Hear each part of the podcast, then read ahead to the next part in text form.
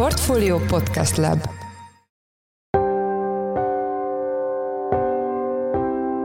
Mindenkit üdvözlünk, ez a Portfolio Checklist május 4-én csütörtökön. A mai adás rendhagyó, mivel a Portfolio hitelezés konferenciáról a Budapesti Marriott Hotelből jelentkezünk, lapunk kitelepült podcast stúdiójából. Kihívásokkal teli éven van túl a magyar bankszektor, ezért a mai checklistben három bankvezért kérdezünk a makrogazdasági körülmények bankjukra gyakorolt hatásáról, a főbb gazdasági kihívásokról, illetve a pénzügyi szektor kilátásairól. Előbb Jelesíty Radován, az Erste Bank elnök vezérigazgatója válaszol kérdéseink kérdéseinkre, majd Zolnai Györgyöt, a Raiffeisen Bank vezérigazgatóját kérdezzük, akit Simák Pál, a CIP Bank elnök vezérigazgatója követ. Én Forrás Dávid vagyok, a Portfolio Podcast szerkesztője, ez pedig a checklist május 4-én.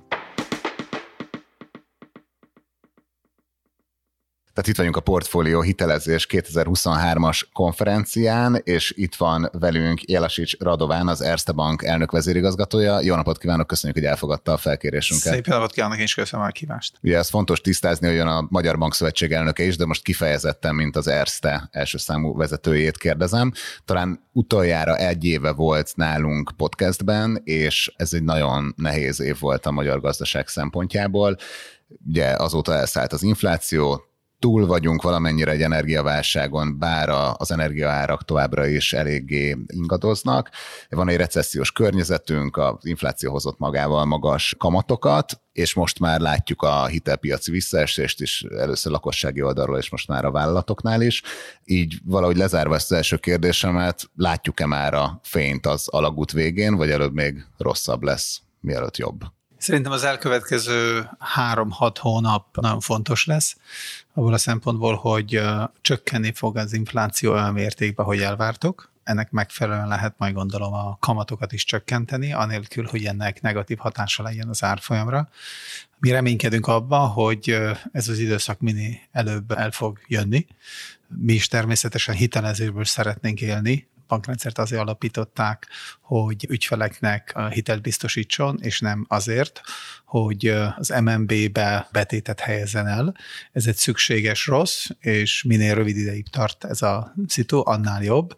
Mi csak abban reménykedünk, mondom még egyszer, hogy az elkövetkező három-hat hónapban a beígért, az elvárt infláció jelentős mértékben csökkenni fog. Hogy ez így van, erre már vannak most is bizakodó jelek, egy tíz éves állampapírnak jelenleg a hozama 7,7 százalék, tehát mindenki abból indul ki, hogy igen, is meg fog történni, attól függetlenül, hogy az MNB overnight 18 százalékot fizet, ettől függetlenül egy tíz éves ingatlan hitelt még mindig el lehet csípni egyik másik bankban 8-9 százalékon, tehát vannak itt ma optimista jelek. Most már csak azt reménykedjünk, hogy ez a Fata Morgana, amivel eddig reménykedtünk, az meg is fog jelenni most az elkövetkező három-hat hónapban, és elindul a kamatcsökkenés. Tennék egy ilyen rövid kitérőt, hogy ugye már említettem, hogy a bankszövetség elnöke, de ugye korábban jegybankár is volt. Ez mennyire speciális helyzet most gyakorlatilag, hát azt mondom, hogy két szemmel, de gyakorlatilag ilyen három szemmel nézni ezt az ilyen polikrízist? Ugye én ültem a, a másik oldalon is, itt a három oldal közül nem a politika oldalán, hanem a Nemzeti Bankos székbe. Ennél rosszabb időszak nincsen egy Nemzeti Bankban, mint amikor kamatot kell emelni, amikor csökken a hitelezés, és mindenkinek el kell magyarázni, hogy a szükséges rossz, ennél jobb recept még az infláció csökkentéshez nincsen, mint az, hogy a keresletet kell csökkenteni ennek velejárója az, hogy a Nemzeti Bankba a keletkezik jelentős veszteség, és ahelyett, hogy az embert megdicsérnék, az, hogy milyen munkát végez, általában kritikát szokott kapni mindenhol, mindenkitől, tehát egy jelenleg a Nemzeti Bankba ülni szerintem nagyon-nagyon hálátlan feladat, nem érillem tőlük egyáltalán, de ez is benne van a munkaköré leírásban. Térjünk vissza az eredeti gondolat ívünkhöz. Ugye amit említett, hogy egy bank alapvetően hitelezésből szeretne élni, de az elmúlt egy évben ugye pont a megváltozó monetáris környezet miatt ugye nagyon nagy bevételre tehettek szert a, a kamatkörnyezetnek köszönhetően, Viszont ennek egy részét ugye elvonja az állam, egyfelől a már korábban is létező kamatstop keretében, másfelől pedig a pont most egy néhány napja átalakított, megemelt bankadó keretében. Ez ugye két különböző irányú hatás, egyfelől jól keresnek a monetáris környezeten, másfelől pedig van ez a nyomás a, a kormány felől. Ennek milyen a hatása, vagy mi a nettó hatása az Erste Bankra? Szerintem ezt már megmutatták a 2022-es számok is, tehát 21-hez képest a, a mi profitunk alacsonyabb lett, és a bankszektor is kevesebbet keresett, mint 2021-ben.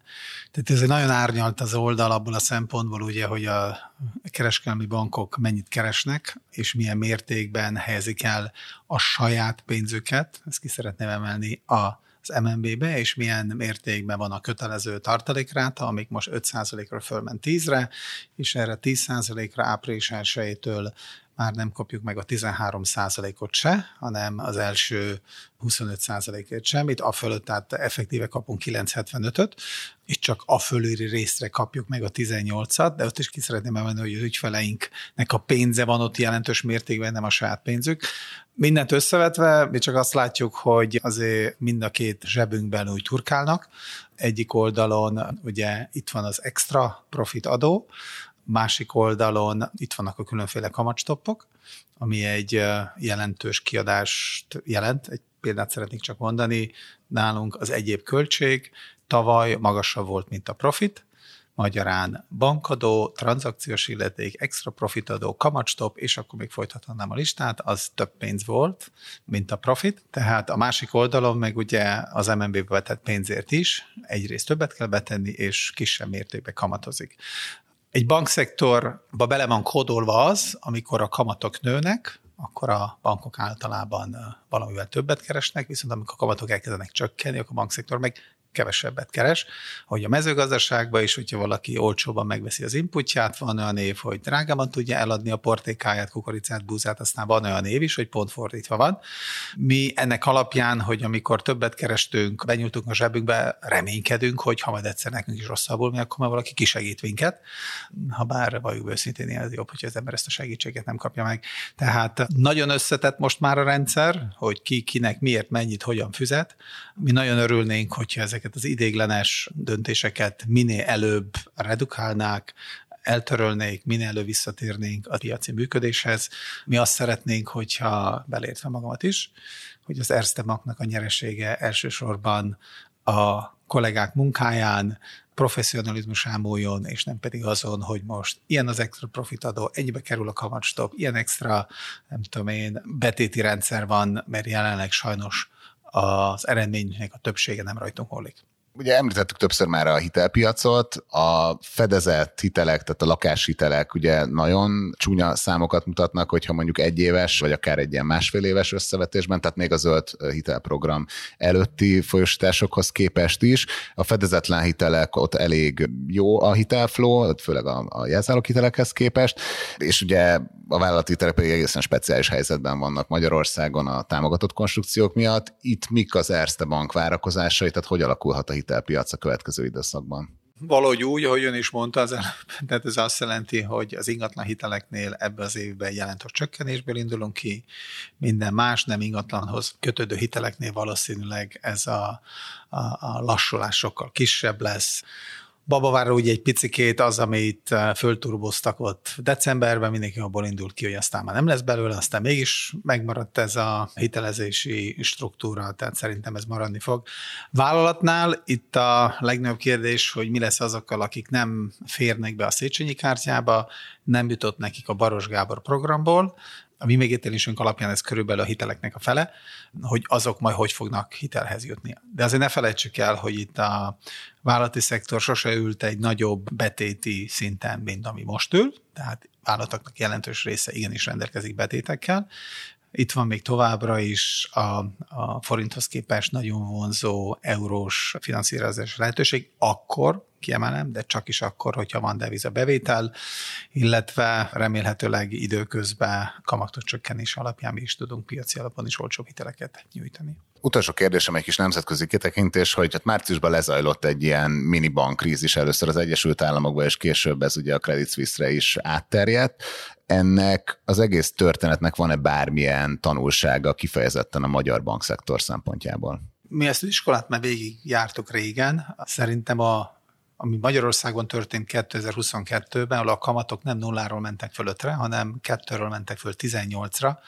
Mi már annyi éven keresztül állandóan stressz állapotban vagyunk, minket ennél jobban stresszelni nem lehet. Szerintem már mindent megéltünk. Én magam is az utóbbi 12 évben, tehát a devizahitelek konverziától kezdve a Covidig, aztán itt van a különböző extra profitadók, jelentős kamat növekedés, stb. stb. A bankszektor sokkal jobban föl van készülve most, ezeknek a, a kihívásokkal való szembenézéssel, mint amilyen volt 2008-ban, tehát lakosságnál nincsen devizahitel, sokkal jobb a likviditás, sokkal több a tőke, nem függünk külföldi finanszírozástól, stb. stb. Szerintem minden betétes Magyarországon nyugodtan aludhat, és még csak egyre ugye visszatérhetek. Még az Berbankkal kapcsolatos kihívás is, ott is tulajdonképpen az igazi kérdés az volt, hogy visszajön majd a Bécsből, ami a központban volt depó, vagy pedig nem. Ha azt tudtuk volna, akkor kedden szerdán egészen másképpen nézett ki volna a világ, és másképpen néznek volna ki a folyamatok. Tehát szerintem nyugodtan aludhatunk, és minden betétes biztonságba tudhatja a pénzét a magyar bankszektorban. De szépen köszönjük, hogy válaszolt a kérdéseinkre. A portfólió checklist a portfólió hitelezés konferenciára kitelepült stúdiójában. Jelasics Radován, az Erste Bank elnök vezérigazgatója volt a vendégünk. Köszönjük szépen, hogy itt volt a műsorban. Én is köszönöm a kívást. Továbbra is itt vagyunk a Portfólió Hitelezés 2023-as konferenciáján. Most tegeztünk a bankvezérek kerekasztalával, és itt van velünk a Portfólió kitelepült podcast stúdiójában Zolnai György, a Raiffeisen Bank vezérigazgatója. Jó napot kívánok, köszönjük, hogy elfogadta a felkérésünket. Jó napot kívánok, köszönöm a lehetőséget. Kezdjük ott, hogy azt hiszem, egy éve volt utoljára a vendégünk itt a Portfólió checklistben. Ez egy nagyon nehéz éve volt a magyar gazdaságnak, ugye azóta elszállt az infláció, nyilván ezzel párhuzamosan megnőttek a kamatok, ugye tudjuk, hogy mi történt a lakossági hitelezéssel, most már ugye vállalati hitelezés is kicsit recsek, bár nyilván ez egy speciális helyzet Magyarországon az államilag finanszírozott konstrukciók miatt, de úgy lezárva ezt az első kérdést, önök hogy látják a Raiffeisen banknál, túl vagyunk-e már a nehezén, vagy pedig még befele megyünk ebbe? Én magam részéről optimista vagyok. Szerintem egy nagyon jó listát mondtál. Én az energiával kezdtem volna, mert alapvetően éppen jöttünk ki a Covid-ból egy évvel ezelőtt, próbál visszagondolni, hogy milyen időpont volt akkor. Ugye február 24-én kezdődött a háború, tehát az igazi energia, már akkor is magasan voltunk, tehát 100 körül volt a, a gázár, de utána fölmentünk 330-340-re. De szerintem az volt az, ami az igazi megijedést hozta nyár közepén nálunk és ügyfeleinknél is. Ugye egy bank az egy olyan szokatlan vállalkozás, ami az egész gazdaság kitettségét megérzi. Szokták mondani, hogy ha bárki a gazdaságban rosszul teljesít, akkor az a bankoknál megjelenik, mint hitelveszteség. Úgyhogy őszintén nyár végén, őszelején nagyon aggódtunk az ügyfeleinkkel együtt. Ehhez képest most itt ülünk május elején, és az energiaválságot sikerült elkerülni. Én nekem a legnagyobb tanulság az, hogy sokkal reziliensebb a magyar gazdaság, a vállalkozói kör, ügyfeleink köre, mint gondoltuk volna. A 2009-es krízist alapul véve, vagy a gazdasági tankönyvek leckéit, ekkora sokkokat elvileg nem kellene kibírni a gazdaságnak, gyakorlatban sikerült. Nem akarok túl optimista lenni, mert ugye egy éven vagyunk túl, de én, én egyébként azt gondolom, hogy ahogy az energiárak lementek, úgy fogják ezt követni az inflációs számok is, mert az infláció végül is az energiából jön. Szerintem el fogjuk tudni kerülni a második fokú inflációs hatást, tehát amikor a béremelések már az elvárt inflációra mennek rá. Tehát, hogyha elég rövid ez az időszak, és elég határozottak a, a különböző döntéshozók, akkor én azt gondolom, hogy ezen át fogunk tudni menni. Én azt várom, hogy egy ilyen tükörszimmetrikus képe lesz a 23-as évnek, tehát nagyon magas inflációval, hitelkamatokkal kezdjük, és a végén körülbelül ott fogunk kikötni, ahol a 22-es évet kezdtük. Úgyhogy ez egy optimista forgatókör, én, én erre nagyon kibékülnek. És akkor a, a hitelpiacon is olyan visszapattanás várható, mint amit leírt a 2023-as év tekintetében egy ilyen tükör formázatra? Igen, és itt lassan keverednek a metaforák. A, a, ugye van egy-két folyamat, ami fél éves, egy éves ilyen késéssel követi a, a többieket. Múlt évben például azért a nyár közepén nálunk még, még hiteldömping volt, akkor volt a Nemzeti Bank zöld jelzálog programja, és még az év végén is a hiteldömping volt a KKV oldalon, egyrészt a Széchenyi kártya hitelek miatt, másrészt pedig volt egy ilyen megrohanás a, a babaváró hitelek miatt. Az ügyfelek nem voltak biztosak, hogy megkapják-e 23-ban, és aztán persze folytatódott a program. Úgyhogy azt gondolom, a 22-es hitelszámok még nagyon jók voltak, igazából most tartunk ott a legnehezén. Tehát a lakossági hitelek területén tényleg alig van hitelezés, és ezeknél a számoknál érthető. Ami viszont, nem azt mondom, hogy dübörög, de egészséges tempóval növekedik tovább, az a speciális hitelezés, tehát a projektfinanszírozás például a zöld energia területen, mi a Raiffeisennél sokat csinálunk ebből, nagyon jó projekteket látunk, ezek a projektek egyébként az energiárak mellett még jobban megterülnek, mint korábban, ezeket lehet finanszírozni.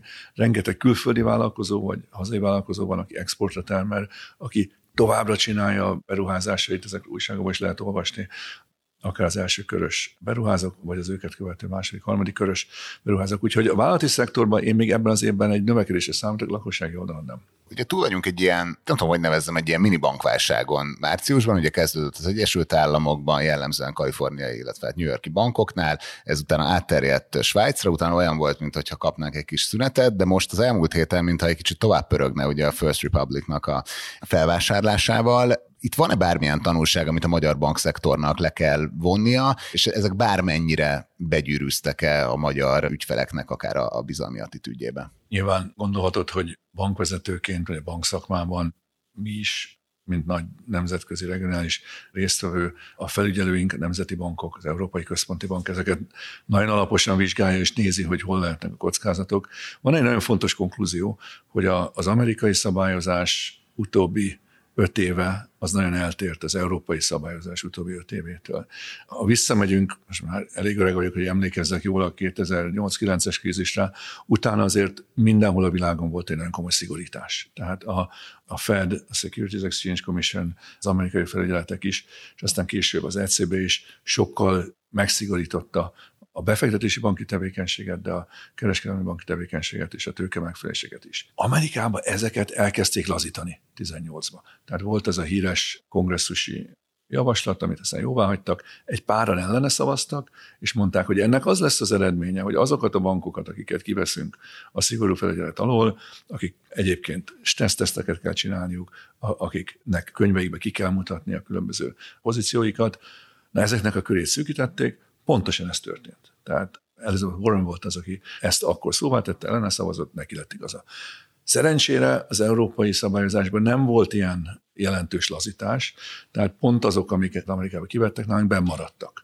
Tehát nem azt mondom, hogy nincs veszély, egy bankolás az alapvetően egy bizalmon alapuló működés szakma, de az európai szabályozás ebből a szempontból erősebb, határozottabb, nekünk ezekre a kockázatokra hivatalból figyelni kell. Egy témáról még szeretnék beszélni, ugye május 1 létrejött Magyarországon a piac második legnagyobb bankja, a MBH Bank. Ugye ön valamennyire speciális helyzetben van, hiszen korábban vezette ennek a holdingnak a tagbankját, ugye a Budapest Bankot. Ön hogy látja, hogy élénkülni fog a verseny a magyar piacon, amiatt, hogy létrejött még egy ilyen nagy szereplő, vagy pedig pont, hogy kicsit leanyhulni fog? Én azt gondolom, hogy élénkülni fog. Alapvetően azért heten vagyunk nagy országos bankok a piacon, ami nem kéne ezt mondanom, de mondom nyugodtan, tehát egy 10 milliós országra még mindig sok. Tehát igazából hatékonyabbak lennénk, ha, ha kevesebben lennénk. Ez egy makrogazdasági vagy banküzemtani tény.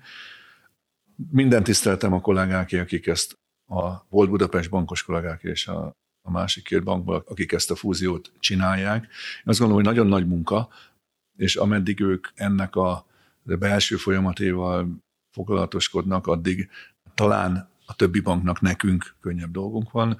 Amikor ők majd ráfordulnak arra, hogy, hogy tényleg piacra hoznak innovatív új termékeket, akkor, akkor lesz egy, egy nagyobb játékos megint, aki, aki versenyezni fog, de ebből élünk, tehát ezért versenypiac a versenypiac, tehát nem kívánok magunknak más, mint hogy piaci alapon megküzdjünk az ügyfelek kiszolgálásáért. Ezben köszönöm, hogy válaszolt a kérdéseinkre. Az elmúlt percekben Zolnai György, a Raiffeisen Bank vezérigazgatója volt a checklist vendége, a portfólió hitelezés konferenciára kitelepült Pop-Up Podcast stúdióban. Köszönjük szépen, hogy itt volt a műsorban. Köszönöm a lehetőséget.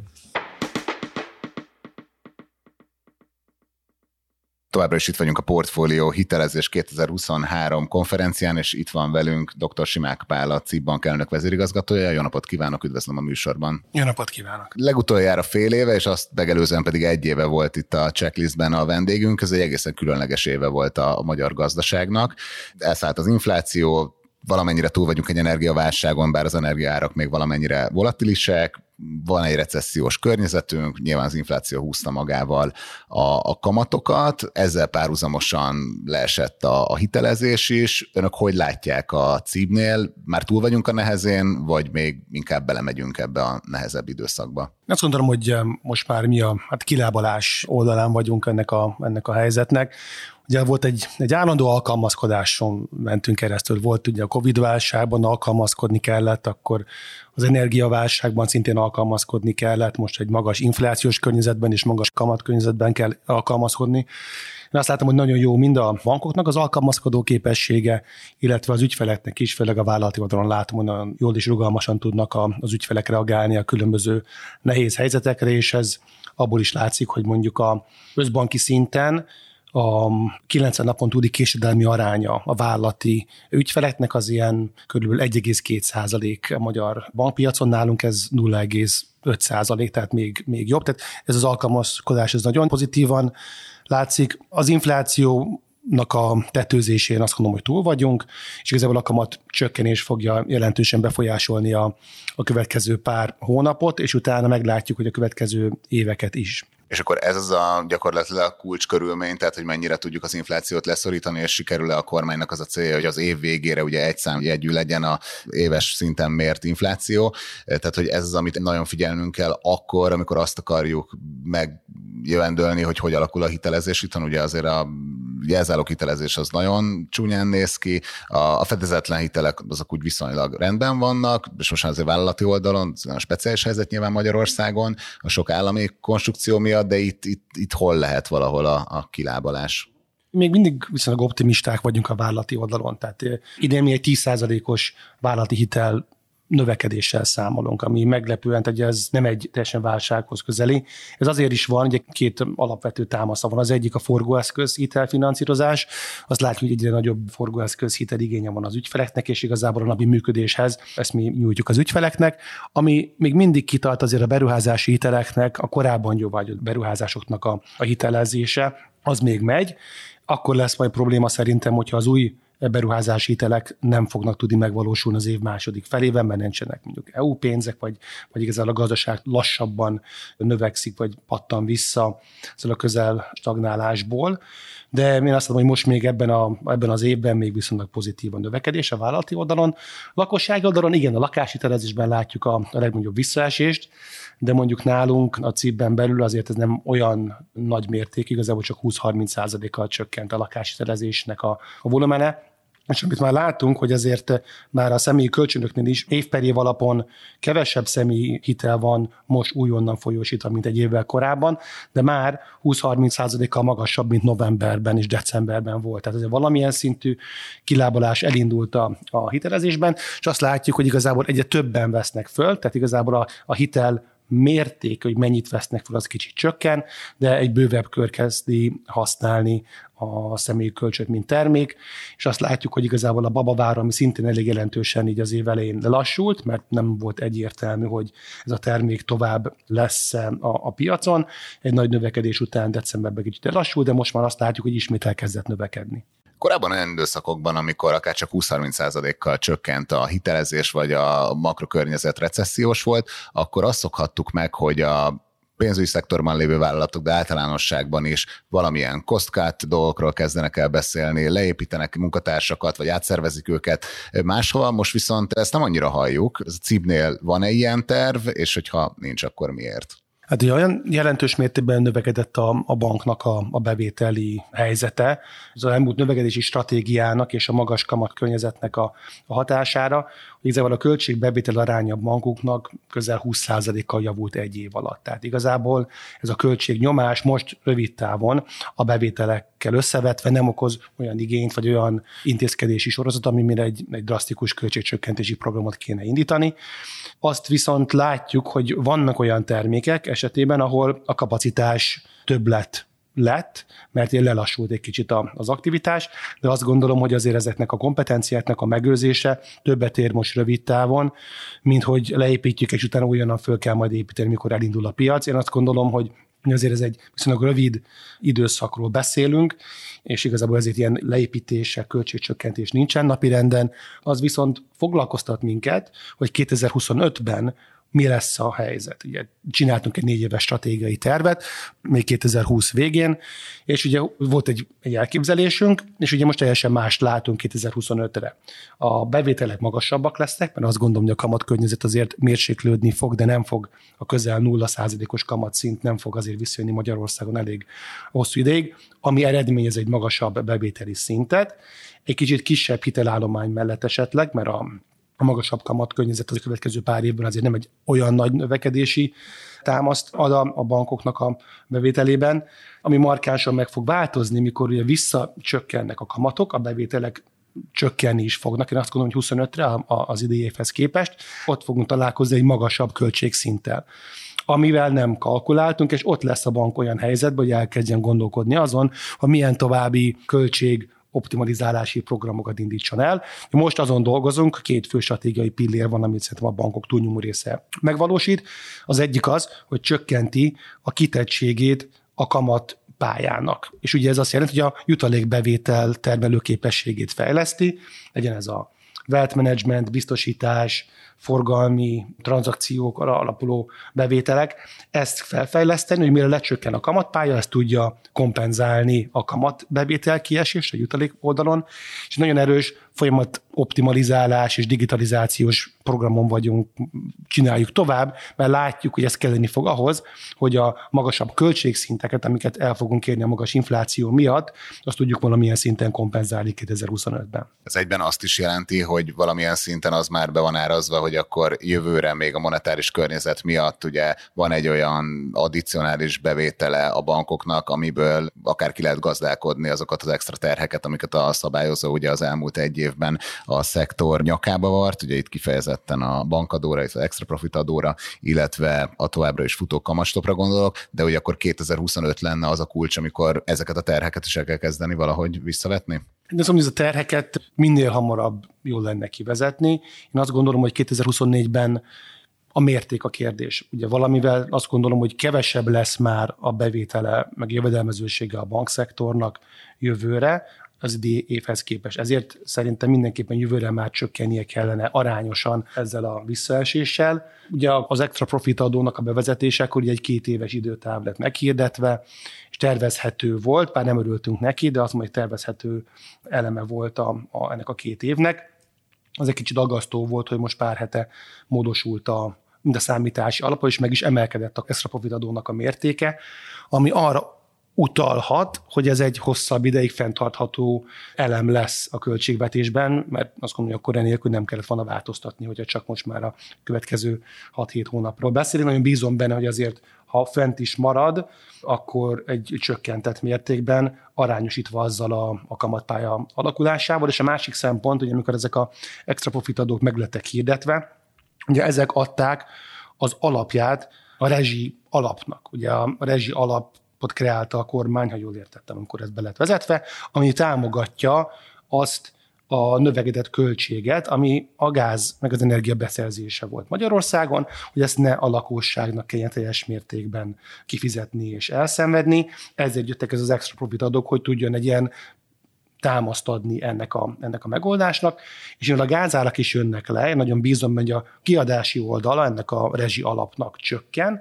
ezáltal a csökken a kiadási oldal, akkor a, a bevételi oldala, ami a extra profit adókból jött volna, az is tud csökkenni. A kamassobok tekintetében azt gondolom, hogy az, az annak a kivezetése nagyon bízom, hogy az év végével meg tud valósulni. Vállalati oldalon azt gondolom, hogy egy hamarabb lehet egy kivezetés, ha visszamegy az overnight kamatszint, a közel 13-as szintre. Én azt mondom, hogy annál, annál a szintnél már a vállalati oldalon szerintem ki lehetne vezetni. A lakossági oldalon érzékenyebb, mert ott egy magasabb ugrás jelentene a törlesztődészetekben. Én azt gondolom, hogy már az év végén is lesznek olyan lakossági hitelek, amely körülbelül 7-8 százalék körüli kamatot kell csak fizetni, ami, hogy visszanézzünk 6-7-8 évvel korábban ez volt a tipikus lakáshitel kamatszint. Kicsit elszoktunk attól, hogy ez a normál kamatszint, amin lehet hitelezni. Persze ez magasabb, mint a 2% amin most futnak egyes hitelek, de ha meg is szűnne a kamatstop, akkor vannak olyan piaci termékek, amivel az ügyfelek 7%-on refinanszírozni tudnák a meglévő kamatstopból kiengedett változó kamatozású régebbi lakáshiteleiket. Nagyon szépen köszönöm, hogy megosztotta a helyzetelemzését, illetve a prognózisát is. Az elmúlt percekben dr. Simák Pál, a CIP elnök vezérigazgatója volt a Portfolio Checklist vendége. Köszönjük szépen, hogy válaszolt a kérdéseinkre. Köszönöm szépen a lehetőséget.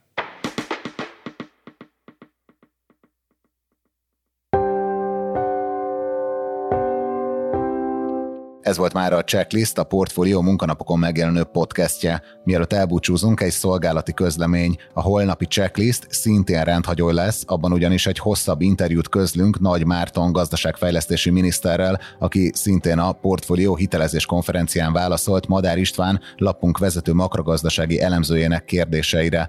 A mai adás elkészítésében részt vett Bánhidi Bálint és gombkötő Emma, a szerkesztő pedig én Forrás Dávid voltam. A holnapi adásig minden jót kívánunk, sziasztok!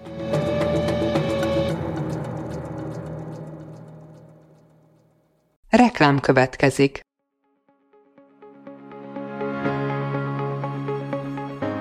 Raúl Müller Lajos vagyok, az agrárszektor főszerkesztője. Májusban két tematikus konferenciát is rendezünk Kecskeméten az agrofood szektor szereplőinek. A május 22-én tartandó Portfolio Agrofood 2024 konferencia az élelmiszeripari vállalkozások, beszállítóik, a szolgáltató cégek és a kereskedők számára nyújt egyedi betekintést az aktuális trendekbe. A május 23-án megrendezendő Agrofuture konferencia pedig egyedülálló módon tematikus formában foglalja össze a hazai agrárgazdaság fenntarthatósági követelményeit és innovációs lehetőségeit. Jöjjön elő is, részletek és jegyek a portfolio.hu per rendezvények oldalon.